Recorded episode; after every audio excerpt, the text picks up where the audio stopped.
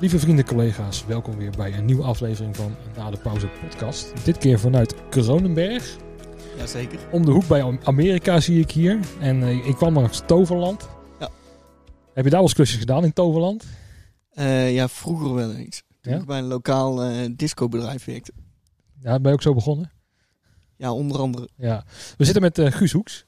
Trouwens, ja, ik vergeet nog wel eens mensen voor te stellen in deze podcast. En dan krijg ik af en toe wel eens een opmerking over, zo van met wie zit ik eigenlijk eh, te praten. Want ik denk van, eh, eh, die, die kennen de mensen wel, maar sommigen zijn van, eh, Guus wie? Guus Hoeks. Hey, hoe gaat het met jou? Ja, gaat wel oké. Ja, je bent wel druk bezig met dingetjes, heb ik begrepen. Ja, ik ben bij een lokaal pakketbosbedrijf ben ik aan het werk. Eigenlijk sinds het begin van de crisis. Dus dat, eh, dat loopt wel lekker door. Want had je daar al een beetje contact mee, al, al ja, voor de crisis en zo, dat je makkelijk kon instromen? Die, eh, die jongens, het bedrijf is van Luc en John, zijn twee broers. En die ken ik al van kleins af aan. En ze hebben nog een broer en dat is mijn buurman, mijn beste vriend. Dus die, eh, ja, dat bedrijf ken ik al lang. En ik reed al eens vaker een dagje voor ze. Als, het, als ik het rustig had, dan zij hadden het druk. En ze hadden, toevallig hadden ze twee zieken binnen het bedrijf toen de crisis begon. Dus dat kwam eigenlijk goed uit. Ja. Nou ja, vooralsnog kan ik er nog steeds eh, gewoon pakketten brengen. en prijs jezelf gelukkig, want ik denk dat er heel veel mensen zijn, zeker in ons vak, die zitten zo van, ja, ik heb nog steeds niks gevonden in wat Ja. ik leuk vind, of een ingangetje bij een ander bedrijf. En eh, dat ik nog steeds een beetje zit te zoeken en op een tozo zitten te teren. Mm, En eh, nou ja, ik ben wel blij dat ik dat wel te horen krijg, want ik krijg steeds meer wel om me heen te horen van, nou, die heeft al dat gevonden en die heeft dat gevonden. het is wel tijdelijk hoor. Ja, dan, ja, natuurlijk is alles tijdelijk, laten we. eh, laten we hopen dat het maar maximaal een half jaartje is. Maar, Mm. eh, dus heb je ook echt wel eh, afspraken met ze gemaakt over tijden? Want het lijkt me dat werkgevers best wel moeilijk erover kunnen gaan doen. Nou ja, toen ik begon daar, eh, die donderdag zie het al als gecanceld. En toen heb ik ze eh, s'avonds meteen gebeld. Zo van, want ik had in februari er ook een paar weken gewerkt. Het was meteen van, nou, ik heb, eh, ik heb tijd. En ik heb eigenlijk wel een beetje geld en werk nodig. Dus eh, zeg Ja. het maar. En toen was het nog van, ja, nee, sorry, eh, we hebben niks. En toen belden ze op maandagochtend op van, eh, we hebben twee man ziek, dus eh, kom maar. Maar we moeten het per dag bekijken. En eh, het kan best zijn dat het morgen weer over is. Nou, en sinds die tijd... gemiddeld zo'n vijf, zes dagen in de week heb ik er toch gereden. Dus dat, dat gaat eigenlijk best wel goed vooralsnog. Maar eigenlijk is het ook een beetje onze natuur om sowieso een beetje te leven van, nou ja, morgen kan ik een gig erbij krijgen en dan kan ik eentje Ja. verliezen. Dus voor ons is het niet, ja, niet natuurlijk, maar het is wel, ja, het zit al in ons DNA om heel erg snel te schakelen. Ja, ik heb er niet zo heel veel moeite mee, nee. Nee. Hey, ik ken jou als, eh, ehm, ja, bij, bij Tivoli uiteraard weer ben ik je Mhm. als eerste tegengekomen. Eh, Volgens mij niet. nee? Volgens mij hebben wij elkaar eh, voor het eerst leren kennen dat ik met Mr. Mississippi een bevrijdingsfestival was. Ja. En jij daar voor Proton was en ik een drumvel van jou gekocht heb. Zo, ik ben heel goed in dingen herinneren, maar die weet ik niet meer. Twee, 2013 meen ik, in Dat moet, dan, dat moet dan Haarlem zijn geweest, ja, ja. Haarlem. Oké, dat zou wel eens kunnen. Heb ik een sneervel van jou gekocht. Nou, dat zou wel eens kunnen. En dan, weet ik nog dat ik met Tony was. Tony van Hussen. Dat was dan onze stagiair destijds. En toen zei ik tegen hem van, eh, van die, eh, wat van 20 euro was het of zo geloof ik. En zo van, nou, tientje of jou, tientje voor mij. Praten we nergens over. Echt van die, van die zwarte deeltjes weer te maken daar zo. Ja, En volgens mij was dat onze eerste ontmoeting. oké. Nou ja, ik wist niet dat jij dat was. Ja, dat was ik. Oké, grappig. Met eh, Tom Broshuis. En, Ja. ja. Klopt. ja, wat ook weer een collega van ons is. Wat leuk. Hoe ben je bij die band terechtgekomen dan? Eh, ja, ook op meerdere manieren. Ik zat op de Herman Brood Academie. En daar had ik al eh, wat projectjes gedaan met Danny en volgens mij ook met Tom. En op een gegeven moment, ik kende Laurens, ik had een keertje bij Blauwtsen ingevallen. En toen, eh, toen ging Martijn Jurrius, die zou eh Mr. Mississippi gaan mixen.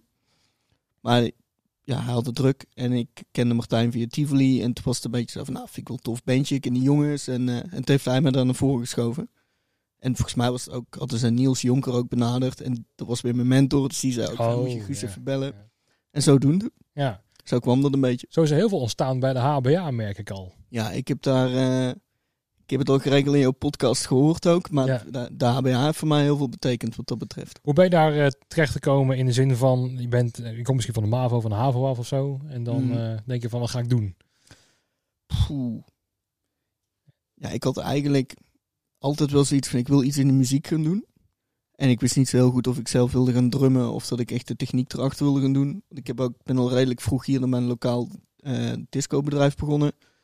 En zo wel doorgegroeid. En toen eh, had ik eigenlijk al op een gegeven moment, toen ik me een beetje erin ging verdiepen in opleidingen, al vrij snel zoiets van, ja, de Herman Brood Academie, dat vind ik wel, eh, lijkt Ja. me heel tof. Klinkt al goed. Ja.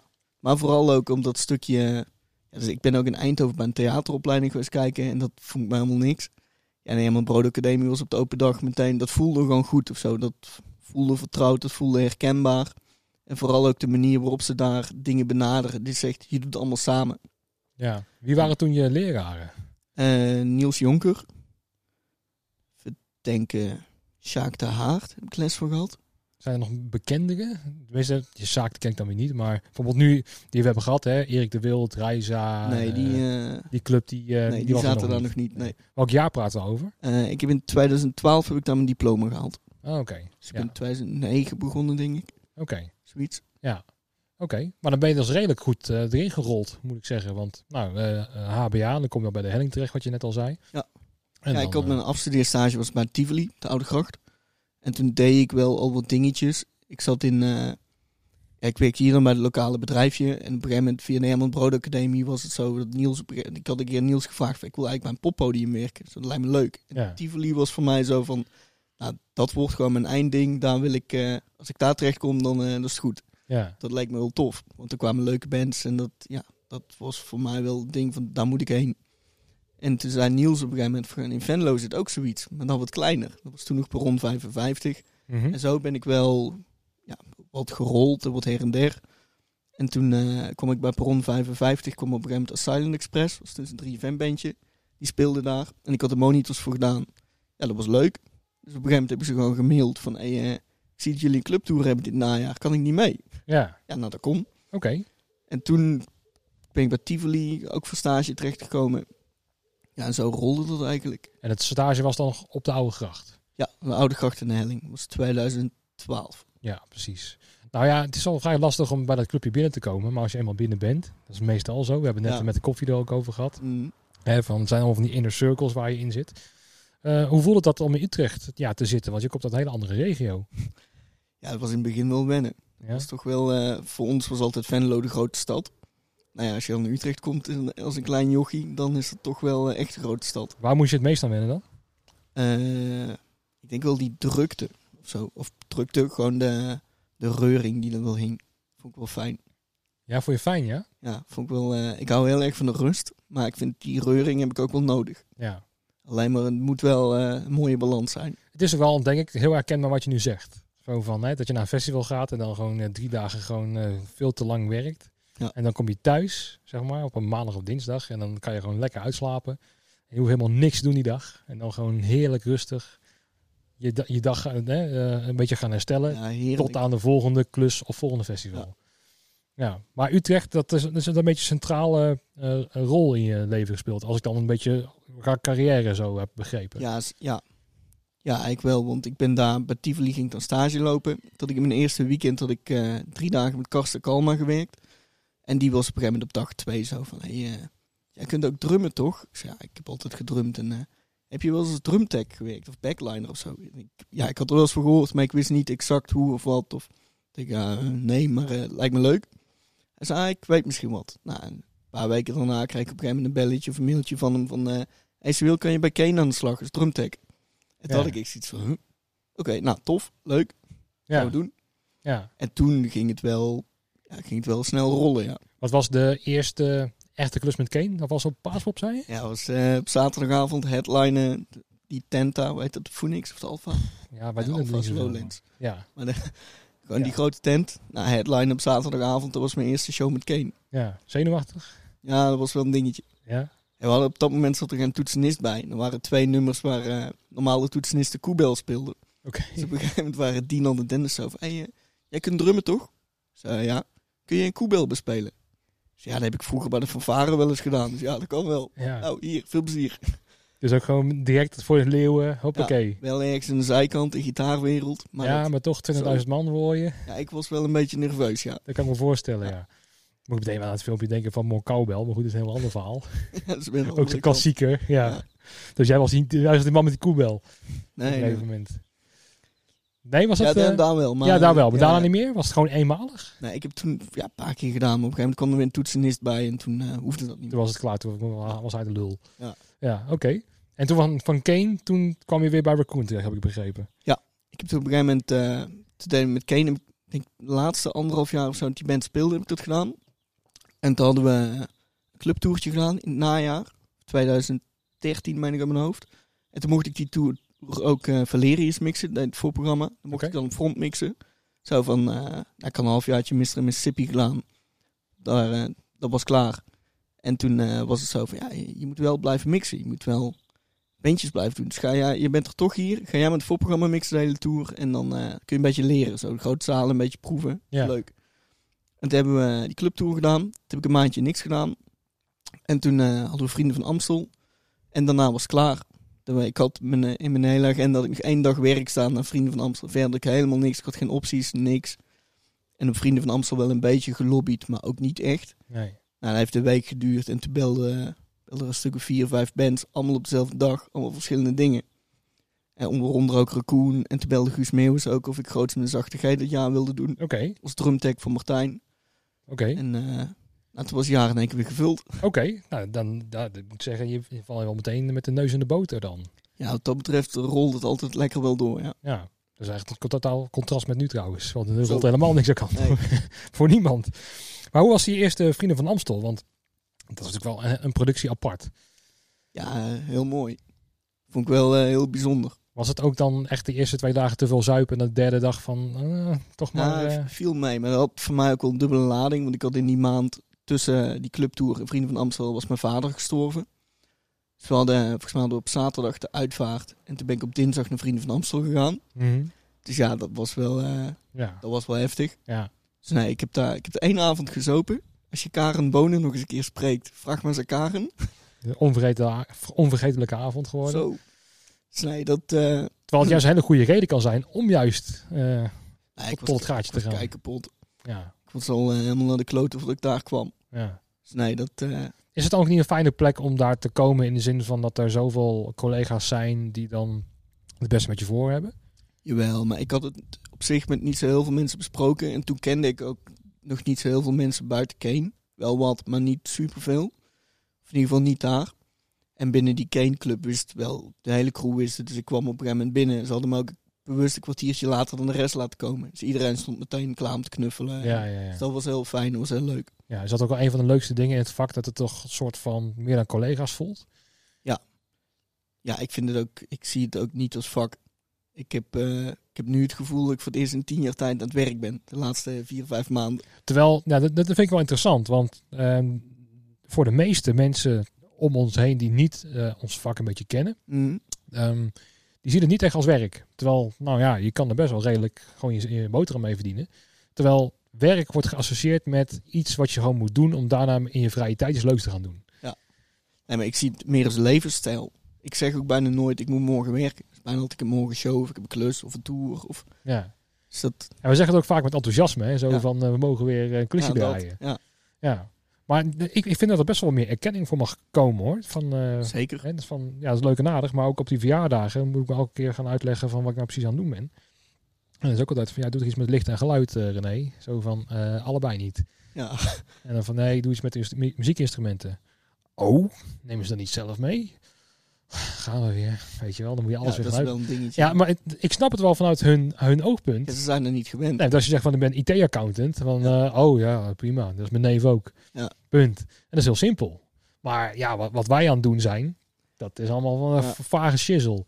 Mijn oma die zegt ook heel vaak, die woont hier ook een straat verder nog. En daar kom ik best wel veel.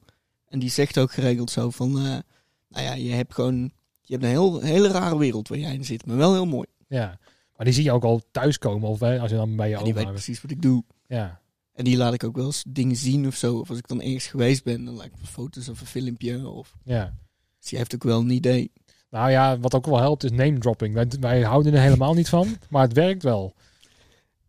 het bizarre hier in de buurt. Ik had op een gegeven moment dan ja, best wel leuke dingen in Nederland gedaan. Wat grotere bands. En was altijd zo van... eh, oh ja, maar jij bent diegene die in de muziek zit, toch? Ja. Een gegeven moment ging ik doen. Ja. Nou, toen had ik het gemaakt hoor, hier in de buurt. Ja. Dat was echt meteen zo... Oh, je hebt Rowe Herzen. Ja, dan heb je echt wat bereikt in je carrière. En ik had zoiets Rowe Herzen. Ik ben er muzikaal mee opgegroeid. En ja. mijn moeder luisterde dat vroeger. En die accordeonist, die had bij mijn ouders nog op de bruiloft gespeeld. Dus als klein jongen, of als jongetje van 15 of 16. Dus dat was gewoon voor mij was dat leuk en dat herkenbaar en ja. tof. Maar ik had niet zoiets van, eh, toen ik met Ennio Morricone op pad mocht, had ik meer zoiets van, wauw, Ja. dat is een vette naam. Maar dan nog, ja, het is gewoon ook een artiest en een muzikant waar je mee werkt die je Ja. best voor doet. Ja, ja, dat ook. Op een gegeven moment ging ik dan naar The Voice. Dat was dan eh, vanaf seizoen 2 volgens mij. En dat was Mhm. helemaal een ding, The Voice. Want dat ja, seizoen 1 was zo van, wat is het dan? Het was dat jaar daarna voor naar 50 landen verkocht of zo. Nou, en ik was er dan bij. En de eerste klus met Lenny Kravitz. Nou, ook meteen een naam waar ik wel blij Ja. van werd. Ook wel zenuwachtig. Maar dan is het daarna ook weer zo van, eh, oh jij doet toch The Voice? En eh, ook, eh, we hebben, ik sponsor dan zeg maar zo'n draaiavond. Dus dan zeg maar zo'n, met zo'n rad en dan kan je loodjes kopen en dan, dat, dat sponsor ik dan. Tenminste, ik doe alleen dan gewoon een microfoon en een boxje inzetten Ja. en succes. leuk? En er sta- stond er ook eh, als, als eh, eh, bedrijfsnaam van Binsberger Services, licht en geluid. ik deed allebei niet meer goed. Hè? En toen kwam ik daar binnenlopen en dan was van, nou, daar hebben we de man van The Voice. En zo van, nou, ik kom er af en toe, weet je wel. Maar dat was precies op die vrijdagavond dat die draaiavond was, was ook The Voice. Dus dan Ja. kwam ik wel later binnenkakken en dan kwam ik precies van die klus vandaan. Maar dan is het ook... Ze kijken alleen maar naar de naam of zo. Zo van, oh, eh, die hebben al goed voor elkaar. Die, eh, die, heb, eh, die, is, die, is, die is op Lowlands bezig. Zo van, ja, weet je hoeveel mensen op Lowlands aan het werk zijn? Ja, superveel. Ja, maar dat is dan, dat name dropping helpt dan ineens wel. Terwijl ons het eigenlijk helemaal niet zoveel boeit voor wie je werkt. Nee, als, je maar gewoon, niet. als je maar aardig doet. Als het maar gewoon een leuke dag is en met leuke mensen en vooral een leuke show waar het publiek gewoon blij is. Precies. Het belangrijkste. Ja, ik heb heel vaak voor dingen gewerkt waar ik denk van, nou, dat is totaal niet mijn muzieksmaak. Maar ik heb wel eh, kapot gelachen vandaag. Ja, toch? Dat is ook belangrijk. Ja, sterker nog, ehm, ik vind de leukste gigs als de muzikanten het zelf ook niet heel serieus nemen. Heb jij dat eens meegemaakt? Als ze dan zo van, nou, ik, ik hoorde dat verhaal van, van de snolbolletjes wel eens of zo. Dat hij dan wel eens naar de, naar de monitorman kijkt, zo van, dan heb je er weer eentje, zeg maar, voor mijn neus. Maar dat hij dan ook gewoon een act opvoert, om echt, nou ja, hij heeft gewoon een volume, een, een formule gevonden Mm, wat werkt. Ja, en of dat het werkt. Ja, en dat buit hij dan uit. Ook richting de, de Gelredome en zo. Ja. En, maar ik heb wel het idee dat hij bijvoorbeeld zoiets denkt van, ja, ik doe dit wel, maar ja. Weet je, zo heb ik ook zo'n verhaal gehoord over eh Ernst en Bobby volgens mij. Dat die ook gewoon een hekel aan kinderen hebben. Ja, ik heb het gehoord, hè. Zijn geruchten. Eh, ik heb het in de wandelgang heb ik het vernomen. Maar dat zijn dan van die opmerkelijke dingen. Dan denk ik van, ja, dan zit je in de kinderdingen, dan heb je een hekel aan kinderen. Dat heb ik ook heel erg opmerkelijk. Dat is wel, eh, wel typisch, ja. Ja. Heb jij dat niet meegemaakt bij een muzikant die denkt zo van, nou, ik zit wel bij dit beentje, maar ik heb er helemaal niks mee. Eh, Je hoeft geen namen te noemen hoor, in Nee, dit nee, geval. nee, maar ja, wel eens met een beentje grote zalen deden. En dat die zanger eh, wel zoiets had van... Nou ja, ik zit eigenlijk liever eh, gewoon in eh, een klein zaaltje of het studio of zo. Of zo'n zaal met heel veel mensen. Toch een beetje... hm. ja. Maar ja, het- uiteindelijk is het wel gewoon een super vette show. En werkt en is het publiek gewoon kei blij. En is hij ook blij. Mhm. Dat is leuk. En dus denk ik dan gewoon, is gewoon spanning. En moet hij even zijn spanning kwijt. En het komt hij naar mij of naar, naar de collega. En is het aan ons om hem gerust te stellen en te helpen dat hij ja. Toch gewoon het uiterste eruit kan halen. Ja, het is ook weer zo'n zo'n zo'n deling, denk ik, tussen mensen die en optreden, maar ook backstage werken. Je rolt erin en op een gegeven moment heb je iets van een status of zo, of dan doe je je ding. Mhm. En sommigen doen het heel erg bewust, zo van, dit is precies wat ze bedoeld hebben. Zo van, oké, nu heb ik, ben ik echt op mijn hoogtepunt bezig. Ja. En sommigen die zijn dan terecht gekomen en die denken van, nou, is dit het nou? Weet je, dan moet ik ineens handtekeningen gaan uitdelen. Ik heb er geen zin in, man, weet je wel. Ik wil gewoon, eh, ik wil gewoon een beetje muziek maken en Ja. that's it. En dan groeien ze door bij een band. En dan, ja, dan kan je niet meer onderuit. Want op een gegeven moment zit je op dat, op dat statusniveau en je hoort bij die band erbij. Maar Ja. je kan niet meer terug. Dus dan, dan voel je die druk ineens en dan, ja, je kan nergens heen. En het verdient goed, dus denk ook zo van, nou, oké, dit is het dan. En ik denk dat de meesten in onze sector ook wel best wel adrenaline junkies zijn of zo. Of die kick gewoon.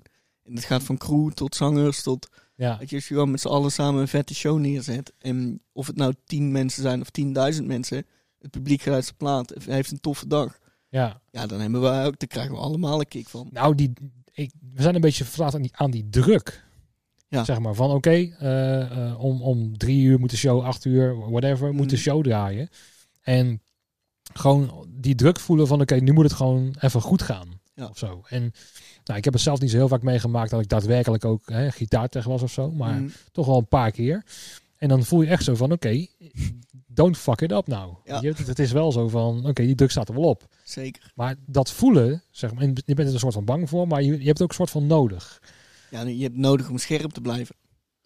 Om gewoon, want je er kan elk, dat heb ik bij Kane heel erg geleerd. Dat, toen het begin, toen ik er kwam, toen moest ik de gitaar van Dienland ook aangeven. Ja, en ik had nu nooit gitaar gestemd of wat dan. Ik hoefde dus ook niet te stemmen, dat deed iemand anders.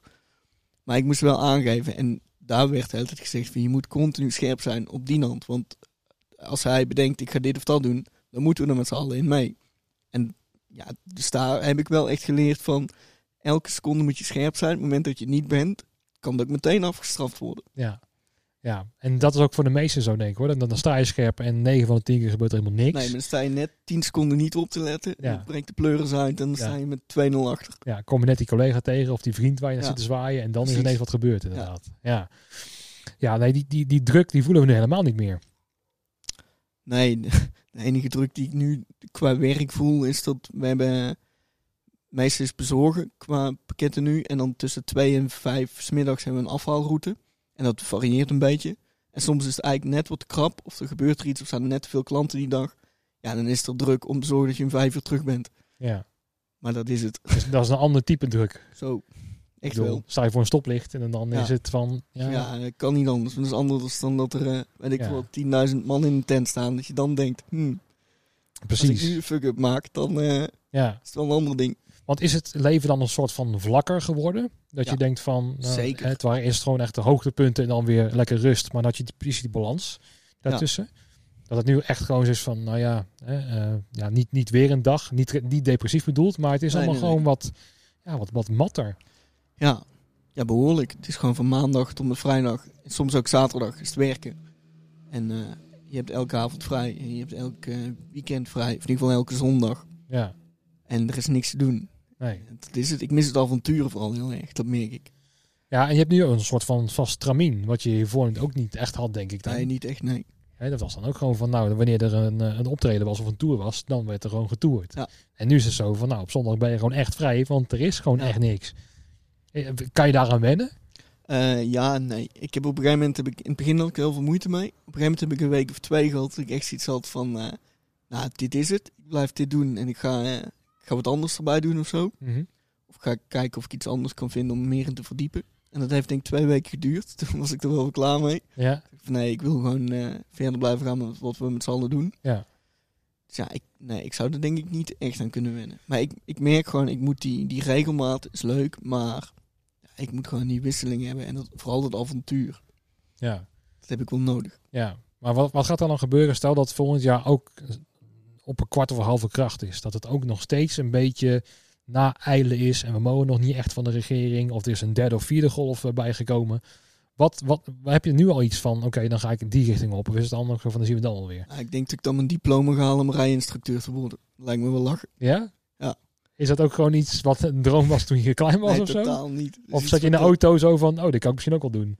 Nee, maar ik, ik had op een gegeven moment een hele toffe rijinstructeur. Dat vond ik echt lachen. Ik vond de, de meeste hoorde je altijd zeggen, ja, rijlessen, pff, verschrikkelijk. Ik vond het fantastisch. Ik vond het echt heel leuk. Ja? Dus de laatste jaren heb ik wel eens vaker gedacht van, als ik ooit een keer iets anders moet gaan doen, Mhm. dan lijkt me dat wel leuk. Ja. Maar dat is het ook.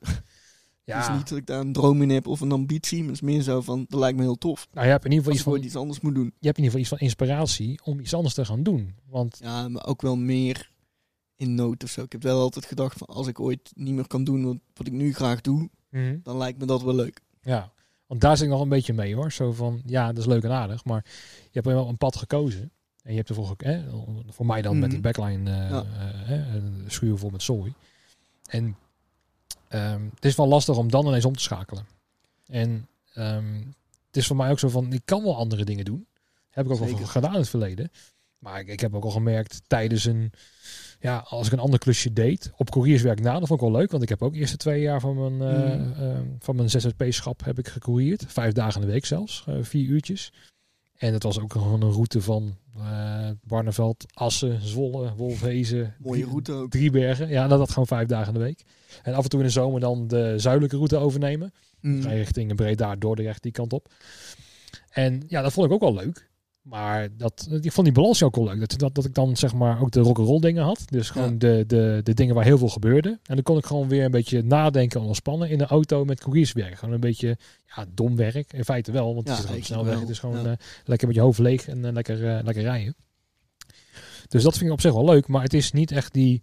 ehm, kijk, toen was ik ook 20 tot 22 jaar volgens mij. Mm. Dus dat was, was het opbouwen. Ja, en je doet dat dan met in je achterhoofd dat het gewoon iets is om even geld te verdienen. En dat je daarnaast de ruimte hebt om gewoon de dingen te doen die je leuk vindt om te doen. Ja, precies. Je En doet het niet met het idee van ik blijf dit eh, de komende 20 jaar doen. nee, ik, kijk, qua, qua persoon, ik zou prima weer terug kunnen naar die situatie. Mm. Maar ik denk dat er heel veel ook in het vak zitten. Zo van, ja, ik heb een cateringbedrijf. En eh, ik heb ook eh, ja, pannen en hoe het allemaal wat staan. En dat is leuk en aardig als ik ook weer iets anders ga doen. Maar ja, het staat er wel te doen. En als ik ineens een, een, een belletje krijg, Ja. ja. dan het liefst dan sta ik eh, nog binnen vijf minuten met eh, al het, eh, alle rotzooi sta ik op de locatie waar ik moet zijn. Ja, ik heb met die jongens ik nu werk gelukkig wel de vrijheid dat mocht er iets komen, zij zijn er wel heel flexibel in. Ze worden er ook niet blij van als ik nu morgen in één keer zeg van jongens bedankt doei. Nee. Het is nu iemand op vakantie, dus het is nu ook wel, wel nodig. Maar als de taak weer begint, dan zijn zij ook de eerste die zeggen van nou bedankt en Ja. ga lekker weer je ding doen. Heb je nou ook al goed contact met, eh, met eh, opdrachtgevers die je in het verleden had? Of helemaal niet? Eh, ja, wisselend eigenlijk. Een enkeling. Eigenlijk valt wel mee. Niet zo heel veel. Ja, daar valt niet zoveel te zeggen natuurlijk. Nee, maar ook qua collega's of zo. Ik had in het begin zoiets van, ik ga, ik ga gewoon elke dag een collega bellen. Ja. Ja, het is niet heel veel van gekomen. Een Maar- enkeling gesproken of gebeld. Of... Ja. Maar het scheelt ook wel. Ik had ook het idee, ik ga heel veel klusjes hier thuis nog doen. Wat ik nog altijd af wil werken of moet doen. Daar is ook Mhm. niks voor gekomen. Oké. Vooral ook omdat ik eigenlijk wel vrij snel toch aan de slag kon of zo. Ja, Daar precies. komt dat er ook weer wat minder snel van. Nou, en als ik de beelden van de bouwmarkten zag destijds, ook niet, dacht ik ook zo van, nou, ik wacht maar eventjes. Ja, ook dat. Want echt voor mij heel Nederland en ook in ons wereldje zaten ook mensen zo van, oh, kan ik eindelijk gaan schilderen? Ja. Want dan ga je ineens zo thuis op de bank zitten, dan ga je toch ineens wel irriteren aan dat muurtje wat niet af is. Ja, maar dan is het ook lekker, want hoe ik altijd heb, ik denk dat er meerdere in ons vak dat hebben, zo van, je bent een periode heel druk, en dan heb je een periode met meer rust, en dan denk je van, oh, dan ga ik dan even wat dingen doen. Ja. Maar dan, ja, daar komt eigenlijk ook bijna niks van. Of dan doe je een dagje of twee, doe je iets, Nee. en dan komt er toch weer een klusje, of toch een dit, of dan denk je, ah, ik wil eigenlijk ook nog even daarheen, of dit doen. Ja. Dan ga je toch weer, komt er toch niet van. Was het dan ook voor jou zo dat dan de winter relatief rustig is met de zomer vergeleken? Dat je een Ja, soort van niet. in de, in de startblokken stond voor de zomer? Ik had meestal andersom, de laatste paar jaar. Oké. Meestal eh, de winter toch wel een theatertour of een Vrienden van Amstel of een toertje. Of ja, maar rond kerst, oud opnieuw was vaak meestal wel een week of twee vrij. Mhm. Maar daaromheen eh, is het eigenlijk altijd wel druk. Ik heb vaak de zomermaanden. Mij lag de piek meestal maart tot en met eind juni, Mhm. midden juli. Mhm. En dan weer eh, eind september, begin oktober tot en met december. En dan heb ik in juli vaak Zwarte Cross was een beetje het laatste ding. Wat ik dan nog deed. En dan had ik dan een paar weken eh, geen klus of een los dingetje. Of een dagje Tivoli of een showtje met een bandje. Maar op een gegeven moment had ik de luxe, zo'n Raccoon en de Rohezen. Die mannen die hebben allemaal zomervakantie. En die pakken gewoon drie, vier, vijf weken zomervakantie midden in de zomer. Ja. Dus dat scheelt dan ook wel weer. En dan had ik, eh doe ik het zomerparkfeest in Venlo, doe ik productiefestival. Dus dan ging ik meestal die weken daaraan besteden. En dat is meestal halverwege augustus. Dus dat was dan weer het begin. Ja, en die zomer, heb je daar nog iets van, van meegekregen van dat zomerparkfeesten? Of is het ook zo van, het is gecanceld en eh, tot volgend jaar? Nee, we krijgen op een gegeven moment een leuk eh, presentje vanuit de organisatie, of vanuit eh, het bestuur eigenlijk. Zo van, nou, bedankt toch voor de moeite die jullie dit jaar al gedaan hebben. Een drankje, een hapje, doe er wat leuks mee thuis. Ja. En we hebben met het productieteam, we zitten een keertje geskyped en we hebben, hebben een beetje contact en enkeling spreken wel eens. ja. Maar dat is oké. Zijn, het, zijn het dan ook vooral Nederlandse bands die daar spelen op dat festival? Nou, ook wel veel internationale dingen. Want dat is dan het, het lastigste, denk ik. Om dat te plannen. Want ja. Ja. wanneer mogen we weer? Want dat is de hele eieren eten. Want ik zit er heel erg over na te denken van ja, stel dat we van de regering alles weer mogen in Nederland. Heb je alsnog dat je internationaal een probleem hebt. Ja, die komen nog niet de komende tijd. Nee, want die zijn ook misschien ook bang om te, om te reizen. Ook dat. Ehm, eh, hoe, hoe gaan we dat doen? En je moet ook een tour maken. Maar ja, als je in Nederland mag, mag tour, maar in Duitsland of België niet. Of je komt bij de grens, zo van, wat komen we doen? Ja, dat schiet ook niet op, nee. Dan, je eh, dan vanuit Amerika komt met je 20 man eh travel party. precies. Dat Dat, is wel een dingetje. dat is altijd een ding. En, eh, want we hadden namelijk ook een, een theatertour klaarstaan van Olita Adams. Mhm. En ehm, nou, dat zou dan echt op de, was in maart. En voor mij was- zou dat op 17 maart beginnen. En 14 maart was het eh, basta. Ja. Ging het niet meer door. En het zou dan worden verplaatst naar september. En toen heb ik ook al gehoord van, eh, nou, dat eh, ver- vergeet het maar. September gaat ook niet gebeuren. Want iedereen zat echt zo van, oké, eh, misschien in juni dan. Dat we in juni al die theaterdingen gaan doen. Ja. Maar nee, dat gaat ook niet door. Nou, ja, september, nou, september. Dat gaat hem ook niet worden. En, het, is heel, het is gewoon heel lastig. Want nu zitten we alweer te denken aan maart, april 2021. Dat het misschien weer op gang gaat komen. Maar dat is ook weer gewoon zo, zo onzeker. Dat is ook afhankelijk van, wat is Amerikaans toch? Ja. Nou, en daar is op dit moment natuurlijk gewoon uh, wat wij hier begin van het jaar hadden. Of eigenlijk in het voorjaar. Ja, daar is nooit gestopt eigenlijk. Nou ja, ook dat. Weet je, daar ook alleen maar heftiger geworden. Uh, sommige, ja, ik vind het lastig om over Amerika te spreken in de zin van, je hebt gewoon 52, 50 of 52 staten, ik weet niet precies. Ja, zoiets. Ja, ongeveer. Um, ik moet het dan een beetje met Europa vergelijken. Dat dan dat, dat Florida Italië is ja. of zo. Weet je, gewoon een beetje ja, zo. Zo zien Amerikanen het vaak ook, hè? Ja, maar als je dan over Amerika spreekt, van in Amerika zijn er meer besmettingen. Zo van, ja, dat is makkelijk lullen. Ja. Waar dan?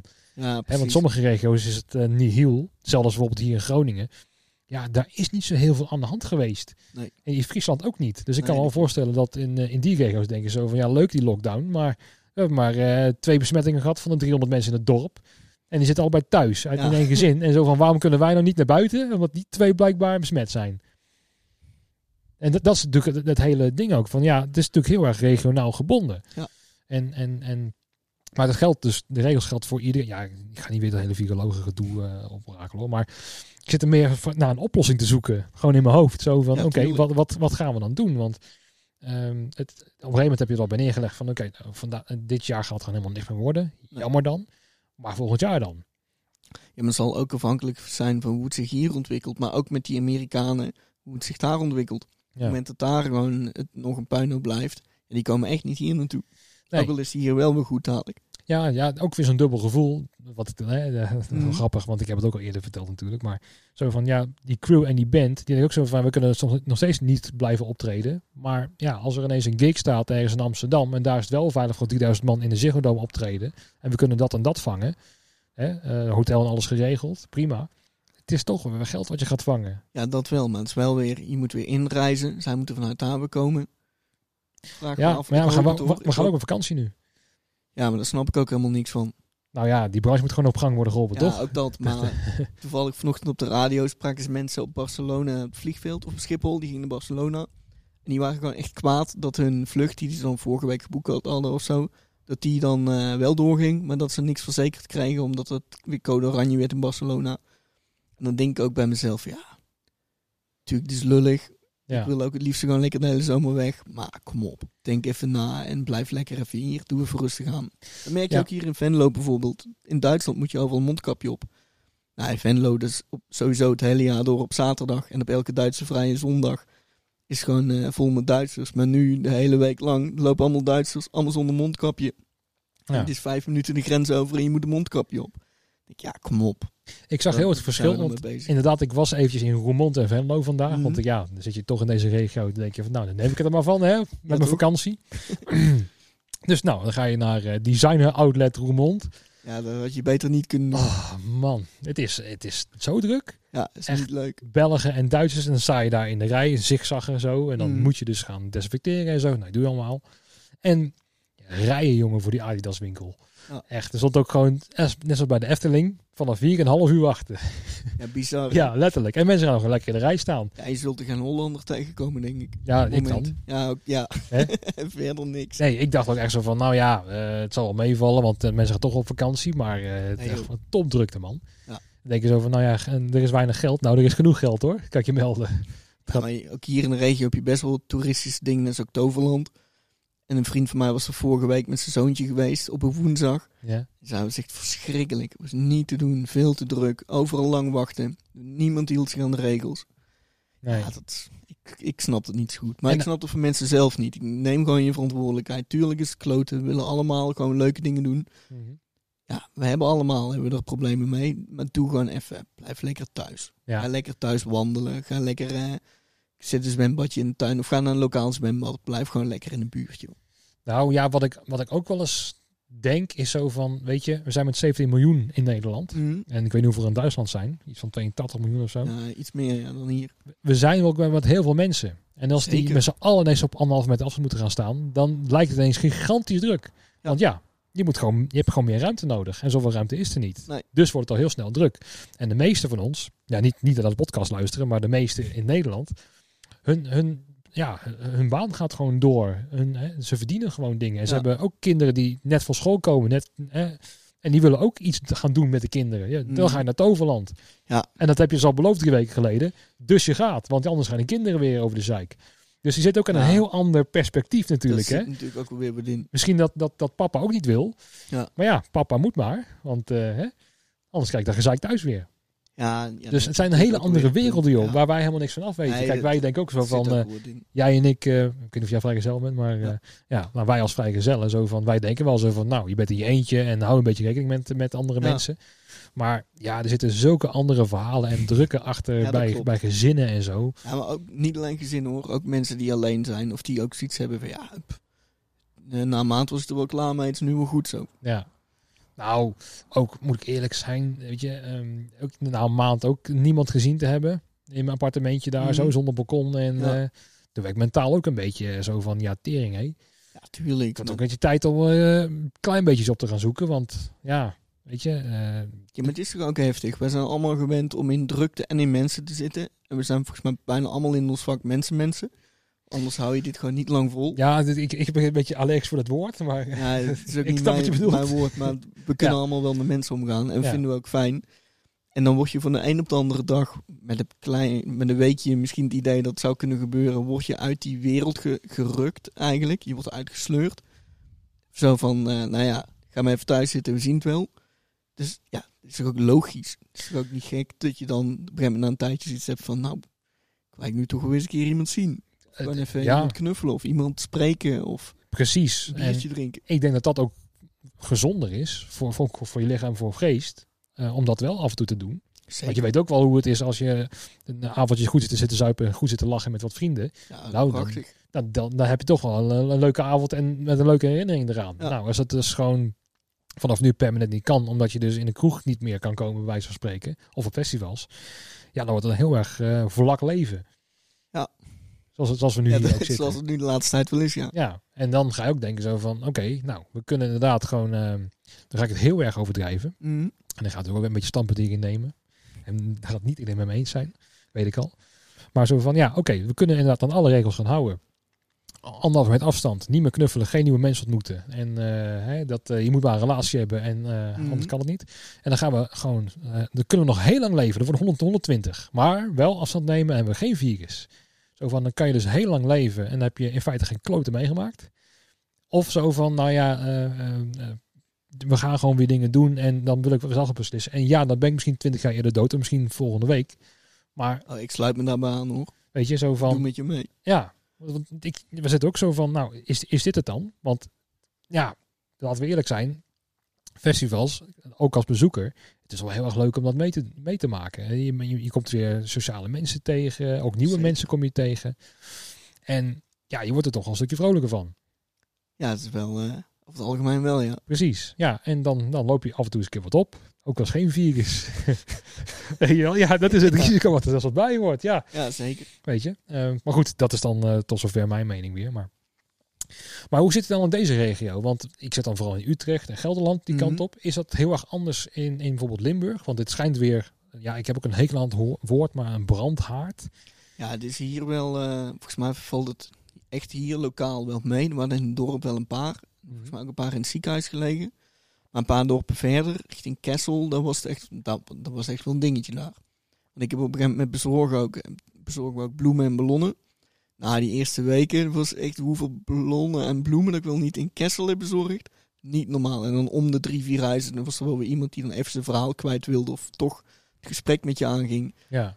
Nou, en daar hadden ze wel, eh, er zijn heel veel mensen gestorven, mede door het coronavirus. Maar was ook Kessel zo'n ehm, zo'n plaats waar echt wel fanatiek carnaval gevierd werd? Ja, maar het schijnt in Kessel iets anders te zijn geweest. Dat er een bijeenkomst is geweest Ja. na carnaval, een, paar, een week daarna of twee weken daarna. En dat dat, waarschijnlijk is dat de brandhaard geweest. Maar het exacte weet ik er ook niet van. Nee, precies. Ja, ik kan me zo- zo'n verhaal herinneren, volgens mij, dat er een of andere kerk of zo een dienst Ja, had. Of repeteren, Dat, met het dat iets, ja. kerkkoor of zo. Ja, dat is ook echt het lastige eraan. Hè? Want we gaan er meteen, eh, oh, dat is de carnaval. Meteen, nee. meteen wijzen. Terwijl, ja, weet je, het is ook heel... eh, ik heb ook het idee van, ja, het is er. En er is misschien ook helemaal geen schuldige of zo. Weet je, we moeten- meteen iemand aan de boom hangen of zo. Van, eh, door, door jou is het in Nederland gekomen, dat corona. Zo van, ja, het is sowieso wel gekomen hoor, vrienden.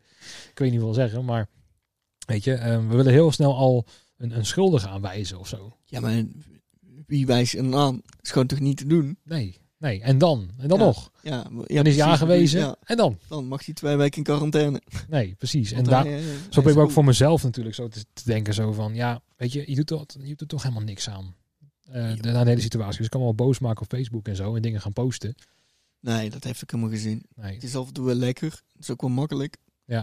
Het is ook al lekker om dat af en toe gewoon te lezen. Om gewoon eh, Ja, mensen helemaal uit een dak zien te gaan. Puur uit vermaak. Ja, maar, Maar- je bereikt er uiteindelijk niks mee. Nee, en, en dat heb ik al af en toe wel met sommige collega's. Dat ik denk van ja, eh, je, kan, je kan je druk over maken. Maar ja, je hebt alleen maar jezelf ermee. Weet je, we, gaan alsnog niet meer, Uiteindelijk wel, ja. niet meer ermee doen. En sommigen denken van ja, maar als, als ik niks doe of wij niks zeggen, dan eh, gebeurt er nooit wat. Zo van nou, ja, ik denk dat het sowieso. Wij zitten in zo'n. Kijk, als we dan naar het evenementenwereldje kijken. Wij komen ineens in het journaal terecht. Nee, en dat vind ik wel... We hoeven niet in het journaal, want daarom zijn we allemaal op de achtergrond gaan werken. Mhm. Maar er mag best wel wat meer erkenning komen voor ons. eh, Nee, maar dat is ook gewoon een gegeven dat, dat onze sector, dat is gewoon, ehm, ja, het is gewoon een beetje hobbyisme of zo. Dat is gewoon hoe het een beetje, ik kan me nog echt beelden, toen, toen we moment mocht, mochten we niet meer naar de kapper. Ja. Nou, toen zag je ineens een kapper in beeld en eh, nou ja, in tranen natuurlijk, want hè, het eh, was allemaal het is net zijn zaak geopend en oh, een, een drama. Nou, die zijn dan anderhalve maand, twee maanden misschien. En ja, die zijn nu, nu niet dus. Nee, en, dan, en gewoon weer volle toeren. Sterker nog, iedereen moet, moet gaan, want het zag er niet meer uit. En wat ik nog het mooie vind bij de kapper. In janu die kapper waar ik heen ga, die had in januari had die 1 euro op zijn prijs gedaan. Voor het knippen van Ja. mannen. Mhm. Nou ja, prima. Toen ging ik na de coronacrisis weer, weer een euro erbovenop. Dat zouden wij eens moeten doen. ja. Zouden ons gage bij een band dus met een tientje moeten verhogen. Nou ja, misschien maar dan kunnen we misschien een lering uittrekken. Ja, ik, ik ben voor. Maar Want dat is ook het hele punt. Wij blijven maar te aardig. Ja, en ehm, eh, ook met het overleg natuurlijk. Wij gaan al hè, gewoon rustig aan. En we gaan niet zoals die boeren op de barricade staan. Nee. Dat zit niet in ons DNA. Want inderdaad, ook voor mensen wat voor de podcast te krijgen. Ja, eh, de meesten zeggen al ja, maar sommigen zo van ik, ik ben er niet zo interessant en ik ben liever, op de achtergrond en ik heb mijn mening doet er niet toe en zo. Er zit een beetje ons karakter om Mm. op de achtergrond te blijven. Ja. Maar op een gegeven moment moet je wel een klein beetje voor jezelf op gaan komen. Maar dan nog heb ik zoiets van oké, dan kom maar voor jezelf op. Ik bedoel, we hebben zo'n hele cultuur en actie gehad. Heb je dat meegekregen? ja, minimaal, maar Ja. niet echt. Nou, dat was dus uiteindelijk in aantallen het grootste protest eh, ooit in Nederland. Iets van 600.000 handtekeningen of zo. Echt, echt een flink protest. Echt een hele week lang. Mhm. Nou ja, daar hoor je niks van. Helemaal bizar, niks. hè? Ja, maar dan wel een kapper die dan heel erg Ja. eh, eh, zit te huilen in de camera. Van oh, het is allemaal zo zielig. Maar ja, die hebben het dubbel eh, eh, teruggekregen in april, mei. Dat iedereen naar de kapper moest. het allemaal weer waarschijnlijk wel weer recht gedraaid. Precies. Maar ja, het punt is, de kapper is tastbaar. Iedereen gaat aan de kapper. Ja. Iedereen vliegt. Ja, maar wacht maar af. Als ons, ik hoop dat ik het helemaal fout heb. En ik, ik denk ook niet dat het gaat gebeuren. Maar stel dat het echt nog lang door blijft gaan. En we mogen volgend jaar nog niks in de zomer. Nou, we hadden het straks al over. Maar ik denk dat dan het jaar erop niemand meer iets gaat organiseren. Nou, dan gaan mensen pas iets hebben. Oh, wacht even. Ik kan niet meer naar het cabaret. Er komt geen nieuw programma meer op televisie. Er komt geen nieuwe muziek. Ik kan niet meer naar een concert. Er is geen kermis meer hier in het dorp. Ja. Of ja, er is wel een kermis, maar speelt geen beentje. Ja, dan komen de mensen pas. Dan wordt het tastbaar voor de mensen wat wij doen. Nou, dan gaat het heel erg in illegaliteit, denk ik. Dat zien we ook al met wat rave-feestjes. Dat het eh, in het Amsterdamse bos en zo, dat er, eh, dat er dingen gaande zijn. Maar dan ga je ook eh, een cabaret bij mensen thuis krijgen die niet op anderhalve meter zitten. Ja. Hè, toch, Ja, toch weer klein. En dan gaat het. Hè, dat zal altijd wel doorgaan, maar dan veel meer niet in zicht. Terwijl in een theater kan je controleren. Kan je zelfs gewoon op naam en toenaam op paspoortniveau kan je gewoon mensen Ja. toelaten. Dat mag dan niet. Of hè, dat mag dan heel erg beperkt. Ehm, en maar er gaat heel veel in illegaliteit gebeuren, denk ik, als het nog te lang gaat duren. Mm. Eh, want Erik Mans zei het ook zo mooi van, ja, weet je, je, je bent eh, tussen 16 en 21. Ja, Ja, je wil wat. ja, natuurlijk. Ja. Weet je, of je moet naar Loretta Mar, Ja, maar ja. of naar Dekmantel, Ja. of, of wha- whatever, maakt niet uit. Maar je moet je energie kwijt. En dat, dat heb ik ook zoiets, wat je net zei, zo van, ja, dan maar even rustig aan doen. Zo Mhm. van, ja, dat is leuk als je inderdaad, eh, we zijn dan eh, rond de 30, maar als jij rond de 20 bent of zo, van ja, wat dan rustig aan doen? Je zit vol met adrenaline, man. Ja, je wil klopt. dingen doen. Ja. Hè? En, en op een gegeven moment ga je ook wel een beetje scheiden. Dan zo van, ja, leuk en aardig, maar eh, mijn vrienden gaan dat doen. Ik ga erin mee. Ja. En dan heb je ook een beetje dat blufferige erin. Zo van, Natuurlijk, zeker op die leef- leeftijd nog. precies. En dan, dan zie je ook weer van die berichten zo van, ja, de, de, de, de jeugd die verpest het weer voor de ouderen of zo. Of die hebben geen respect voor de zorg. Zo van, Mhm. ja, maar ja, ja, ja, het is, het, ik begrijp het van alle kanten een Het is beetje. heel dubbel allemaal. Ja, ik, ik snap de mensen in de zorg. Ik snap de jongere mensen. Ik snap de criticasters die zeggen van... joh, blijf op anderhalve meter. We hebben niet, niet voor niks de regels. Blijf thuis. Ga niet op vakantie. Ga Ja. niet naar festivals. Die begrijp ik. Want er zit ook heel veel angst in. Terwijl eh, angst is nooit een goede raadgever. Ben ik met je eens. En dat is voor de, voor de meesten nu wel gebeurd, denk ik. In, de, Mhm. in, in deze crisis. Van, eh, van nou, leef, liever maar voorzichtig. Dat Maar we zeker hoe hebben. ook in het begin alles gebracht werd. En in het begin zaten we ook volgens mij met eh, bijna 17.000 of 17 miljoen laffe hondjes allemaal naar de minister-president te kijken. Zo van, oh, ja, dit is toch wel ernstig. Misschien moeten we toch eens even allemaal luisteren naar die meneer. Ja, ook al denk ik ook dat het nogmaals weer internationaal te maken heeft. Want als wij zoiets hadden van nou, we blijven nuchter, we blijven ons ding doen en zo. Dan krijg je natuurlijk eh, kritiek van eh, heel Europa of heel de wereld over je En heen. terecht, want we doen het andersom ook. Ja, dat is ook heel hypocriet. Ja. Zeg maar, want als... als eh, Oké, er wordt heel erg politiek. Excuus. Mag wel een beetje. Ja, sorry. Soms zit ik op die praatstoel, dan ga ik hoor. Ehm, nee, maar dan, dan Amerika mag dan, in, zeker in het begin situatie vijf jaar geleden, mag niks over Zwarte Piet zeggen. Want dat is Mhm. ons feestje, Ja. traditie. Maar wij mogen wel over de Russen zeggen, over die homo-haat en zo. Ja. Daar moeten wij dan wel iets ingrijpen, want dat is tegen de mensen. Tuurlijk. Zo van, ja jongens, wat is het nou? Ja. Hè, moeten we nou wel of niet eh, eh, samen dit, dit gaan oplossen? En dat vind ik ook weer zo'n mooie hypocriet inderdaad. Zo van, hè? Ja, heerlijk hè. En ook in het begin was het zo van lockdown, lockdown, we moeten lockdown. En op een gegeven moment krijg je dan precies ja, ongeveer dezelfde mensen. Krijg je dan weer andersom. Zo van, we moeten eruit, we moeten eruit, onze vrijheid. Ja. Zo van, ja, wat, wat, maar welke kant sta je nou? En het, het, het ding is, het is allemaal heel erg genuanceerd. Alles zit een beetje op die middenweg, de, de waarheid. Van ja, je moet gewoon iets meer afstand houden, maar soms gaat het even niet. Nou, dan moet je elkaar even aankijken van, Ja. oh, sorry meneer. Of, en we komen ook gewoon achter dat misschien ook het overgrote deel van de, van de mensheid gewoon in een, zo in hun eigen bubbel zit en hun eigen dingen doet, dat ze Zeker. anderen gewoon niet zien. Gewoon letterlijk niet. Loop maar inderdaad door Venlo, eh, door, de, door de winkelstraat heen. Nou, daar hebben ze inderdaad een mooie paarse lijn eh, geverfd. Ik nou, ben er nog, nog gereden om wat te bezorgen daar. Toen was het rustig nog. Toen regende het ook. ja. Nou, dat is nu alweer drukker hoor, kan ik je vermelden. Dat zal wel, ja. Ja, en, maar dan heb je ook zo'n zo'n gezin met vijf, zes mensen of zo. En die lopen dan heel rustig. Dan wil je dan voorbij gaan, maar dan, dan loopt hij weer die kant op. En dan Ja. moet je weer afstand en dan moet je weer... Het is een beetje dansen. Maar je ziet alweer dat mensen zo in hun eigen bubbel leven. Ja. En eh, ja, dat heb je gewoon mee te maken. Dat mensen... Kijk, dat wij van, van nature... Ja, wij, ook weer zo'n algemeenheid. Maar ehm, ehm, in de evenementenbranche... Wij willen namelijk heel erg anderen naar plezier maken. Dus dat betekent het publiek, de band, eh, Mm. noem het allemaal op. Dus we zijn heel erg pleaserig Ja. daarin. En we houden heel erg rekening met wat de ander wil. Maar de meeste mensen in de wereld zijn niet zo. Nee, die zijn gewoon ikke, ikke, ikke. Ja, En daarna kijk ik wel eens een keer om me heen. nou, en de hele crisis versterkt juist alles eh, wat in je persoon zit. Ja. Dus ben jij aardig, ben je nog aardiger. Ja. Ben jij bozer, ben je nog bozer. Zeker. En dat zie je ook met die afstand. Van eh, ik hou me nergens aan. Ja, dus ik ben er wel klaar mee. Precies. En ook dat gevoel van klaar mee zijn. Ja, ik heb ook van die dagen dat ik denk zo van... Jezus, wat is ons overkomen? Ja. Hè, zo van, hoe zijn, we, hoe zijn we hier beland? Want ja, dan sta je op en er is gewoon... Je, je mag niet werken. Of ja, je mag wel werken, maar niet wat wij willen doen. Ja, En precies. zo van, hoe zijn we godesnaam hier gekomen? Dat echt eh, in, in, ja, in, het, in het bestaan van eh, evenementen en rock'n'roll en dat soort dingen... Dat je gewoon niet mag uitvoeren wat je graag wil doen. Het is, het is zo raar. En ik zie het een beetje, dus je mag niet gewoon je leven leiden wat je, waar je voor kiest of gekozen hebt, maar ook waar je gelukkig van wordt of zo. Ja. Natuurlijk, er zijn ook weer andere dingen. Stel, we mogen dit nooit meer doen. Dan vind je ook alweer iets waar je ook gelukkig in wordt en Ja. waar je blij van wordt en voldoening uit haalt. Ja. Maar dit is waar wij allemaal op het moment voor gekozen hebben, of de laatste jaren voor gekozen hebben. Ja. En dan mag je dat in één keer niet meer doen. Nou, en dat, dat verschilt heel erg in gevoel. Want ik, ik- nou ja, ik zal de naam niet noemen in de podcast hoor. Maar ik heb iemand gehad in de podcast en die zei ook zo van: nee, nee, als, eh, eh, als ik ontslagen word, dan eh, nee, niks aan de hand. Weet je, dan eh, vind ik alweer, want ik heb andere eh, kwaliteiten en zo. Mm. Maar ja, totdat het gebeurt, dan ben je Ja. toch ineens een andere stemming. Ja. Weet je, dan is het toch zo van: oh ja, ja. Ehm, dus kijk, uiteindelijk heeft iedereen meerdere kwaliteiten. Zeker. En je kan jezelf gaan ontwikkelen en En meer uit jezelf halen en andere dingen gaan ontdekken. Ehm, maar het is niet zo makkelijk als dat, dat hè, zo, zo gepresenteerd wordt door de meesten. Zo van, nou, dan ga je toch ander werk zoeken. Nee, zeker niet.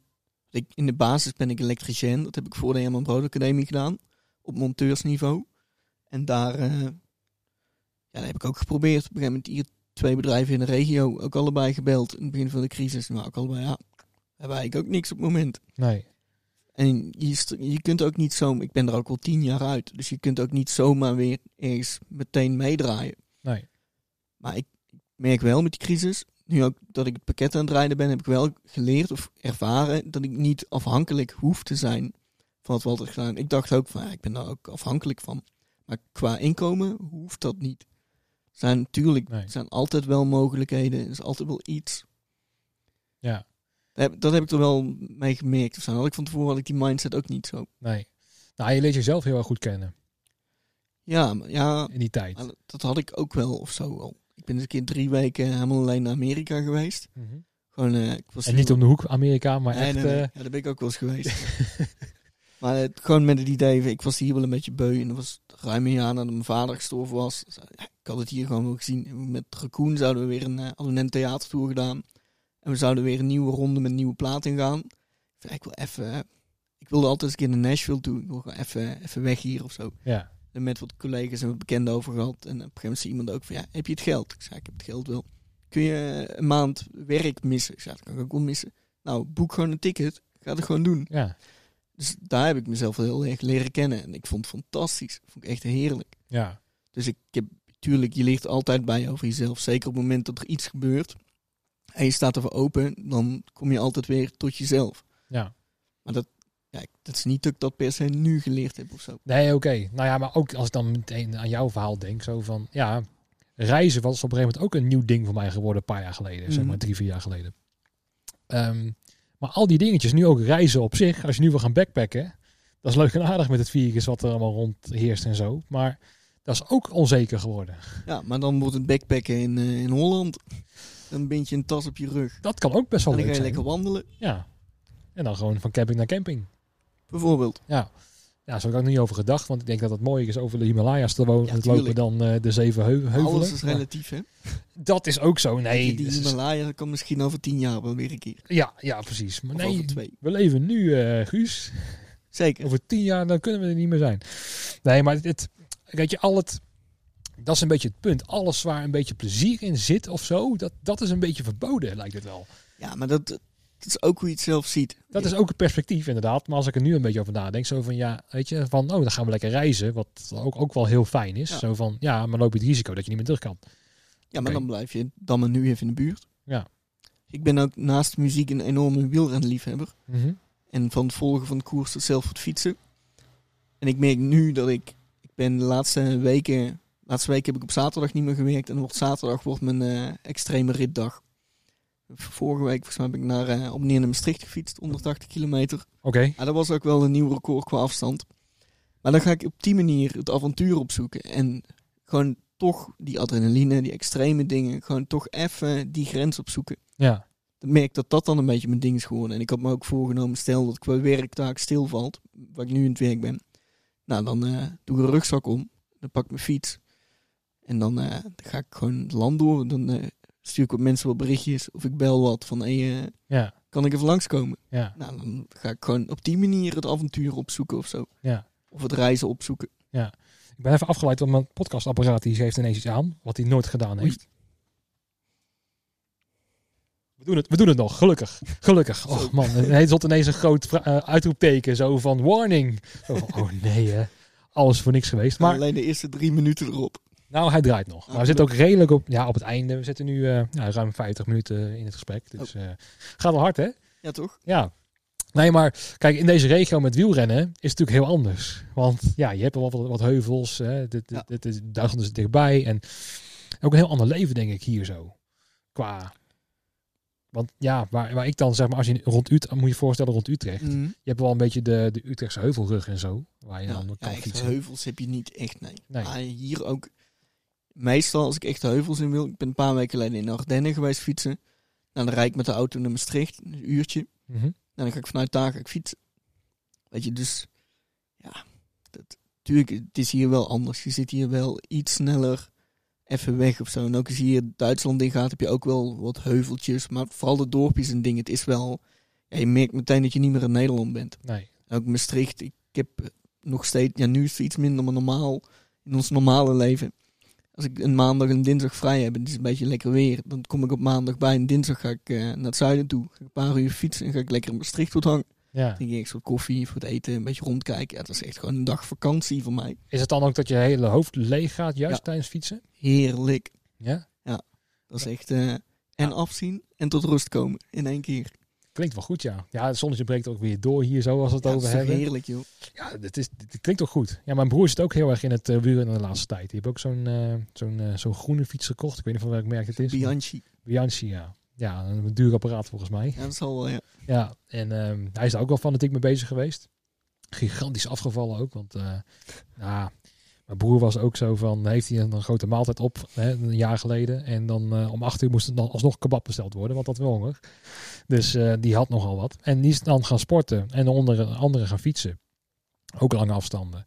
En eh, nou ja, die is eh, behoorlijk gekrompen, moet, kan ik zeggen. Ja, dat blijft bij mij nog wel altijd een dingetje. Ja? Blijft toch moeilijk. Is dat toch een beetje zo van, toch een beetje het plezier hebben in het leven? Dat je dan eh, dat ook wel een beetje Ja. wil hebben? Ook wel. Het biertje meepakken? Van, ja, dat gaat. Maar ik hou ook wel gewoon van lekker eten. Vooral Ja. wel van een beetje ongezond eten. Lekker is ook relatief, hè, Guus? Dat klopt, zeker. ik vond het mooiste moment, meestal met de show, ook vooral zo'n, op een gegeven moment bij zo'n raccoon en met was het echt een ding. Zeker in de festivals of de feesttenten. Je bent klaar en dan komt een schaal frikandellen aan. Ja, hoe mooi kun je het hebben? Ja, ja, dan gaat hij toch, eh, gaat Zo. toch op. Ja. ja. Nou, en daar zie ik dan ook weer een beetje discipline in. Want nou, ik ben ook wel iets, iets voller geweest eh, tot, eh, tot een half jaar geleden. Ehm, ja, elke keer ging het toch een beetje erin mee. Dat je dacht Ja. zo van, ah joh, weet je, nog... ook elke keer als ik een klus had gehad bijvoorbeeld, dat was een beetje traditie van mij geworden. Bij Proton om de hoek zit een McDonald's. Nou, als je op een gegeven moment echt om half twee van een klus klaar was, ja, dan toch maar een burgertje pakken. Ja. Weet je wel? En toch maar die Big Mac in plaats van die hamburger van een euro. Ja. Terwijl, als je erover nadenkt, heb je niet zo heel erg honger. Maar dan als je al aankomt rijden, krijg je al honger, Ja, omdat het een soort van bijhoort of En zo. het zit dus een soort van in je hoofd. Ja, in je, in je systeem. Lekker. Allemaal psychologisch is het. Ja. En als ik op een gegeven moment, dan was ik helemaal klaar mee. Dus op een gegeven moment thuis ook gewoon heel veel water drinken, geen biertjes meer. Ja, Mm. af en toe wel een biertje, maar gewoon standaard niet meer. Ja. Nou, toen vlogen de kilo's eraf. Ja, dat werkt bij mij niet. Nee? Ik drink hier thuis bijna alleen maar water en koffie. Ja? Maar bij mij zit het vooral in het eten. Ik heb soms gewoon, ik vind het heerlijk om te koken. Mhm. Maar ja, ook zeven dagen in de week zelf koken, dat was ik ook niet gewend. Dat is ook best wel een dingetje. Ja. Maar het wisselt echt per week. De ene week dan eh, heb ik er totaal geen zin in en moe en eh, is gewoon eh, liever wat vet. En de andere week is gewoon een week gezond. Vandaar dat ook dat Tivoli-ding ook voorbij kwam, waar we het eerder over hadden. Dat, ehm, dat het, het eerste jaar Ja. was heel erg lekker en goed ja. en zo. En daarna was het toch een stuk minder. Want we, zeker eh, de mensen die bij Tivoli werken weten precies wat over gaat natuurlijk. En die kennen die catering wel. Ja, precies. En daar hadden we het ook al net over. Zo van, ik kan me echt voorstellen. Kijk, ik kan er dus één, twee keer in de week. Ja, als stagehand. Als het echt druk was, kwam ik er best wel vaak hoor. Mm. kwam ik ook al drie, vier keer in de week. Maar als stagehand werd je vaak wegbezuinigd voor het eten. Ja. Dus als tech, als je daar als geluidstech staat, ja, dan sta je van tussen 11 en 1, bij wijze van spreken. Ehm, en dan heb je dus de, en de lunch en het diner te pakken. Ja. Maar als stagehand word je dan tussen eh, 9 en 12 gezet. En eh, ja, van een uurtje of half tien of zo mag je weer aankomen sluiten tot, eh, en tot, tot 12 om weer af te breken. Dus heel vaak maken we de, de, het diner ook niet vaak mee. Mhm. Of het moet dan een festival zijn, dan weer wel. Maar ik kan me wel voorstellen, stel dat je dat inderdaad echt hebt, dat je eh, heel vaak moet eten, dat het dan ineens een probleem wordt. Zo van, zeker omdat je dan een liefhebber bent, zoals je zegt. Je zit er lekker thuis te koken met een kruiden neem ik aan en zo en eh, lekkere dingen te maken. En dat dat ineens, een- dat, dat, dat dat ineens een ding wordt. Ja, maar dat, ook dat wisselt. Ik kan me er, soms kan ik me er heel makkelijk overheen zetten. Ik heb er daar wel vaker wat moeite mee gehad. Maar ook festivals of zo. De ene keer denk ik van ja, die, die funzige lasagne die er al twee uur ligt. Nou prima, lekker. En de andere keer kan ik ook zoiets hebben van ja, nee, sorry, daar heb ik echt geen zin in. Dat wisselt bij mij. Maar heb je thuis toch ook, dat je dan Ja, op een gegeven moment, zeker. hè, eh, Ja, dat je dan ook een luie dag hebt zo van, nou, ik maak maar een hele simpele spaghetti of zo. Ja. Of toch maar zo'n diepvriesmaaltijd van de iglo.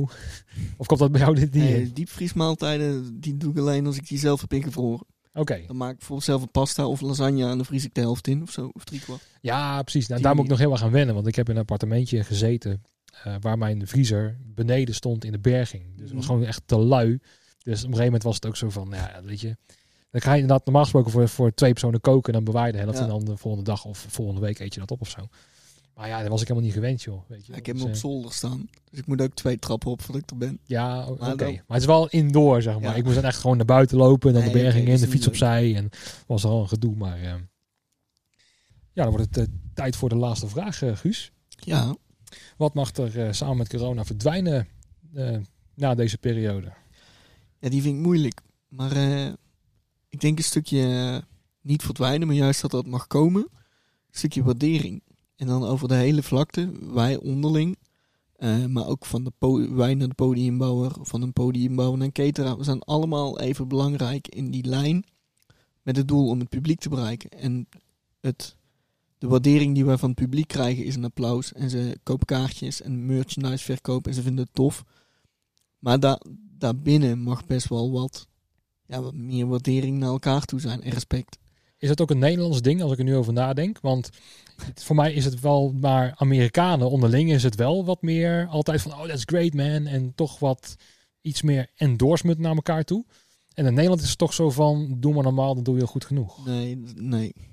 Echt wel over de hele lijn, vind ik. Ook met Amerikanen, Italianen. Een keer met, eh met Ennio Morricone hadden we een eh, eh, tour. En ik had een paar tours gedaan met eh backline van het verhuurbedrijf.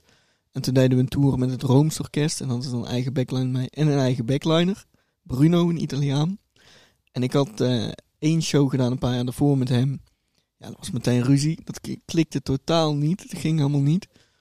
En toen die show, eh, of toen gingen die tour doen. En hij had een plan, ik had een plan. En we moesten daar samen uitkomen. Nou, dat was gewoon niet te doen. En op een gegeven moment ben ik eh, hem gaan waarderen. Of ik ben hem gaan proberen te respecteren zoals hij was. Mhm. Zoals ik ja, dacht dat handig was. En toen had hij op een gegeven moment door dat zijn plan ja, niet helemaal werkte. En dat mijn plan op dat moment misschien wel iets beter werkte. En toen kwam dat weer terug of zo. En ja, daarna ging het gewoon prima. We hebben één show, was helemaal kloten. Die break sloeg nergens op. Ging, eh, ging verschrikkelijk. Maar toen heb ik ook wel gemerkt, als je gewoon iemand in zijn waarde laat en waardeert, ja, dan krijg je veel meer voor elkaar.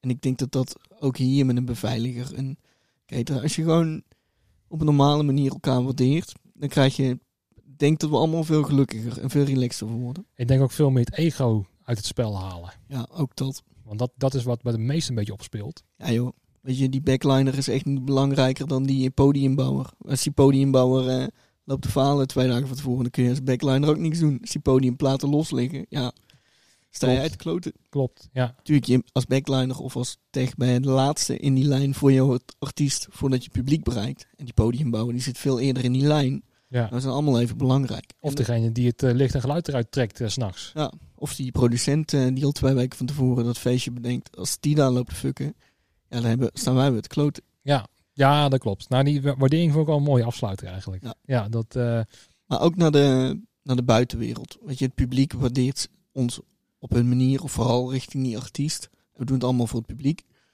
Maar de, ook de staat, de mensen om je heen, de bekenden. Ik vind dat daar wel iets meer zichtbaarheid en waardering vooral ook mag komen. Nou ja, dat zie je nu ook wat er nu gebeurt. Dat dat dan heel erg op de artiesten wordt gericht. Zo van, oh, misschien Ja. dat die niet kunnen optreden. Zo Ja. van, ja, maar dat, dat, dat kan wel een jaartje minder. Ja. Weet je, want die hebben nogal, eh, als het goed is, wel een beetje een buffertje. Ja, natuurlijk ook niet allemaal. Ook niet, ook niet allemaal. Door een of die net geïnvesteerd hebben om dit jaar veel te gaan spelen. Ook daar zit best wel weer wat nuance in. Kan je Ja. ook niet over één, eh, één eh, kamp eh, gooien. Maar eh, ja, dat vind ik wel mooier. Die heb ik nog niet eerder gehoord. Een beetje meer waardering. Of zo. Ja, misschien heb ik wel eerder gehoord, maar niet op die manier zoals jij het zegt. Nou, Dus mooi. dat, en een shout-out naar Johan van Waterland, die jij misschien toch wilde noemen, maar ik noem hem toch. Een van de aardigste mensen. ja, uit ons vak. Super fijne man. En denk, als ik bij hem een keertje zo- zo'n opnemen, eh, zo'n op podcastopname ga doen, dan ben ik ook binnen een anderhalf uur niet klaar. Nee, dan ben je drie, vier uur bezig en heb je Die heeft, die heeft altijd eh, goede verhalen. Altijd, ja, meestal wel vrolijk. Tenminste, Ja. op zijn manier af en toe wel eens een beetje voeteren. Maar dat is, eh, heerlijk. dat, ja, dat, heeft, dat is ook wel heel erg herkenbaar. Ja. Hè? Maar ook een van de aardigste mensen en een van de leukste collega's uit mijn vak. Ook al is het een soort van concurrent, maar ik zie het gewoon als een heel persoonlijk ding. Ik mag hem heel erg. En eh, Ja, maar waarom zou je elkaar als concurrent zien? Je kan elkaar toch alleen maar helpen? ja, is ook, is ook zo. Is ook zo. Uiteindelijk zit je in hetzelfde vaarwater, heb je hetzelfde soort bedrijf. Dan wil je dezelfde dingen doen, maar Klopt. als je elkaar kapot maakt, dan bereik je minder mee dan als je elkaar helpt. Nee, dat, in de basis is het waar, maar je hebt wel op een gegeven moment te maken met dat er een festival van jou was naar hem gaat en vice versa. En Ja. dan heb je toch een beetje die kleine wrijving zo van, ja, wij doen al twintig jaar en wat doe je nou man? Dat is een, Ja, een ja, fictief zeker. voorbeeld, Ja, maar zeker. Ik snap hem. dus dat zit er wel een klein beetje in. Tuurlijk. Zo van, oké, wat heb hij? Dat ga ik dan niet kopen of juist wel kopen. Of, Ja. Dus concurrentie heb je altijd wel een beetje, maar als ik gewoon puur naar eh, eh, ja, persoonlijk vlak krijg, kijk, Ja, heel, heel mooi mens. Over vanaf het begin al dat ik eh, als freelancer bij hem kwam om dingen op te halen voor Proton. Ik heb hem altijd heel erg gemogen en ik gun hem ook heel erg dat hij er ook uit gaat komen. Ja. Dus eh, ook de goede troost van hem. Ik heb nog eh, gisteren Oh, nog een appje van hem gekregen. Dus, eh, we gaan afsluiten, Guus. Dankjewel voor dit gesprek. Bij Ja, jou in, in de tuin met een heerlijk weer. toch ja, toch doorgebroken. Je moet vaker in Limburg komen, merk ik al. Zeker. En voor de luisteraars weer bedankt voor het luisteren. Tot de volgende, tot na de pauze.